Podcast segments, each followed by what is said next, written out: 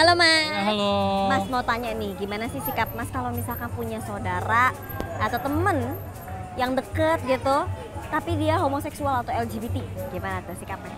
Kalau saya secara pribadi sih kurang respect sih ya sama yang uh, homo seperti itu karena dari segi agama pun itu dilarang. Saya orangnya sih open ya karena bukan kehendak sih ya.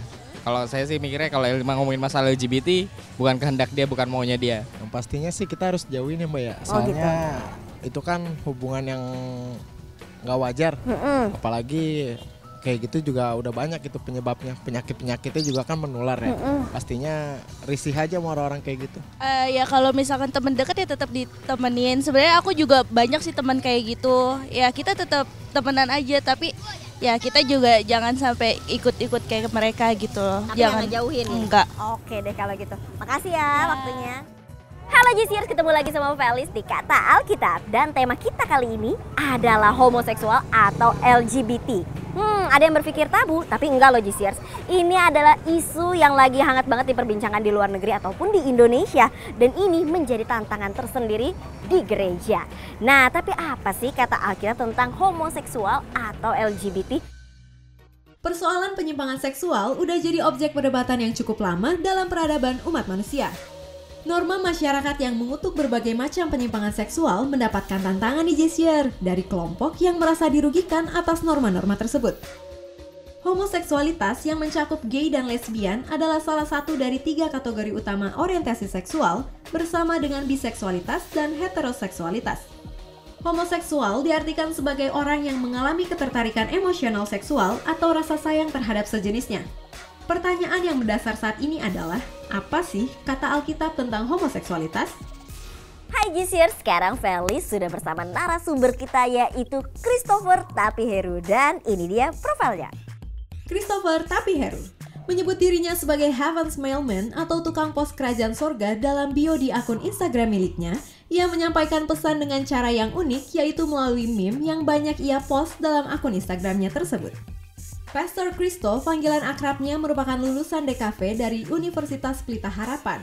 Namun, tiga tahun terakhir ini ia menuruti panggilan Tuhan untuk menjadi penginjil sepenuh waktu sambil melayani sebagai teaching pastor di GBI New Wine International Church, Jakarta. Halo Pastor Kristo. Yes. Gimana nih menanggapi tema kita kali ini tentang homoseksual tapi dari kata Alkitab sendiri. nggak ada satu ayat pun yang mendukung tentang ini. Jadi bisa dikatakan secara jelas Alkitab mengatakan bahwa ini adalah sebuah dosa. Ya, Eh, Roma 1 dikatakan sebagai nafsu yang hina. Jadi ada dua macam, ada hasrat dan ada tindakan. Ya mengenai tindakannya Roma 1 lagi mengatakan bahwa ini hubungan yang tidak wajar. Betul. Ya, perbuatan yang memalukan, perbuatan yang jahat, hal-hal yang tidak boleh dilakukan. Yudas 1 ayat 7 bahkan bilang percabulan disebutnya, kepuasan-kepuasan yang tak wajar. Jadi Alkitab jelas uh, clearly said it is a sin. Ini sebuah dosa. Nah, tapi gimana sih Pastor Kristo kalau misalnya kita menanggapi saya nih merasa dilahirkan seperti ini. Atau istilahnya terkenal sebagai born this way, Yes, dilahirkan betul seperti ini. Hmm. Pengakuan born this way yang sampai detik ini pun belum terbukti ada yang terlahir dengan ini. Tapi kalaupun benar ada yang terlahir dengan kecenderungan yang salah ini, kata-kata Yesus di Yohanes 3 universal. Yesus bilang, barang siapa tidak dilahirkan kembali, nggak bisa ngeliat kerajaan sorga. Ya, tapi walaupun kita born this way, we need to be born again. Kita harus lahir lagi, dilahirkan kembali untuk melihat kerajaan sorga. Dan it- ah, kelahiran kembali hanya ada di dalam Yesus. Kalau kayak begitu tuh Pastor Kristo, gimana sih kita sebagai mungkin sahabat, kerabat, saudara, atau yang paling yang lebih spesifik adalah orang tua itu menerima dan menanggapi seorang homoseksual ini gimana? Yang jelas kita harus bersikap seperti Yesus bersikap. Ya, uh, Yohanes 1 mengatakan Yesus full of grace and truth. Ketika kita menyikapi teman-teman atau saudara-saudara kita yang seperti ini, kita harus harus penuh kasih karunia dan kebenaran. Cinta sejati bukan hanya menerima apa adanya, tapi tidak akan membiarkan terus apa adanya. Ada upaya untuk uh, memberitahukan bahwa ini salah, kita harus berjuang uh, untuk uh, melawan ini.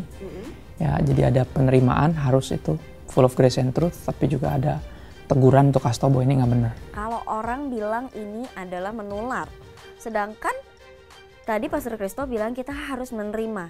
Tapi kalau kita menerima, merangkul, tapi jadi jatuhnya jadi menular, wah gimana tuh pastor? Eh, Di dalam mengasihi pasti ada konsekuensi. Ya, eh, ketika kita melayani orang-orang yang sakit misalnya, kita punya kecenderungan pasti takut tertular juga. Misalnya betul, itu punya penyakit yang menular. Tapi ini menarik, eh, cinta sejati melenyapkan ketakutan. Kita nggak bisa mengasihi mereka yang kita takuti. Istilah menular ini cukup menarik karena di 1 Korintus 15 ayat 32 sampai 33 ini sesuatu yang eh, kita kita kenal ayat ini pergaulan yang buruk merusakkan kebiasaan yang baik. Nilai-nilai yang buruk itu yang dipandang misalnya gini ya, ternyata ini hak asasi manusia, ternyata ini nggak apa-apa kok. Ini kan kebebasan berekspresi, ini kan jadi nilai-nilai yang itu akan menggeser yang benar dan itu yang disebut eh, pergaulan buruk merusak kebiasaan yang baik. Ketularannya karena eh, kebenarannya di, di- digeser sama yang nggak benar. Jadi nilai-nilai yang salah ini ketika dipercaya kita jadi sesat dan kesesatan itu bisa menular. Oke Pastor Kristo, kalau tadi pertanyaannya menular atau enggak menular. Gimana kalau sudah tertular? Itu disembuhkannya gimana sih? Apa apakah ada obatnya? Uh, berkaitan dengan apa bisa disembuhkan karena Alkitab mengatakan bahwa ini dosa. Ini bukan kayak penyakit yang bisa disembuhkan. Penyakit itu kan hanya bahasa untuk penyakit bisa sembuh apa enggak. Betul. Ya ini dosa. Kalau dosa bahasa Alkitab itu harus dilawan. Yesus mengatakan di uh, Markus 8 untuk ikut Yesus harus sangkal diri dan pikul salib. Penyangkalan diri termasuk di dalamnya penyangkalan seksualitas. Engkau anak Tuhan yang harus melawan kecenderungan ini. Orang dunia bilang kamu gay, kamu sempat berpikir kamu gay, tapi kamu bilang enggak, aku bukan gay, aku anak Tuhan. Aku harus lawan ini. Tapi mau tanya nih penasaran, kalau misalkan em, yang memang eh, sex attractionnya udah beda, dia memilih hidup sendiri, apakah itu sebuah solusi yang baik untuk jalan keluar dari homoseksual ini? Tiga solusi yang selama ini dicoba dilakukan, tapi solusi alkitabiahnya cuma dua. Ya solusi yang satu lagi adalah yang pertama yang yang umum dilakukan dulu adalah terapi. Ah, tapi itu kecenderungannya biasanya agak gag- sering gagal karena berapa kali orang dipikir udah sembuh tapi nggak taunya masih balik lagi balik lagi. Nah, cara alkitabiahnya ada dua. Yang pertama menikah. Menikah bukan setengah sama jenis tapi dengan lawan jenis. Jadi di situ eh, dengan harapan bahwa pikul salib sama sangkal dirinya jadi punya teman dan itu yang seperti yang Tuhan mau. Ya, dan jalan keluar yang paling alkitabiah tentunya bagi teman-teman ini adalah selibat. Selibat artinya uh, hidup benar-benar uh, full untuk melayani Tuhan dan berjuang melawan ini bersama dengan Tuhan. Gitu sih ya, pilihannya ada di situ. Oke deh, nah itu dia tiga solusi yang sudah Pastor Kristo berikan. Mungkin yang salah satunya itu kurang efektif kalau misalkan tanpa firman Tuhan. Hmm, kayaknya akan jatuh lagi, jatuh lagi ke dalam dosa yang sama. Nah gimana? GCers terinspirasi atau udah dapet jawaban dari video ini? Bisa banget loh, langsung aja di like, di komen, di share, dan pastinya harus di subscribe. Nah, buat GCers yang masih punya pergumulan dalam hidup, tenang.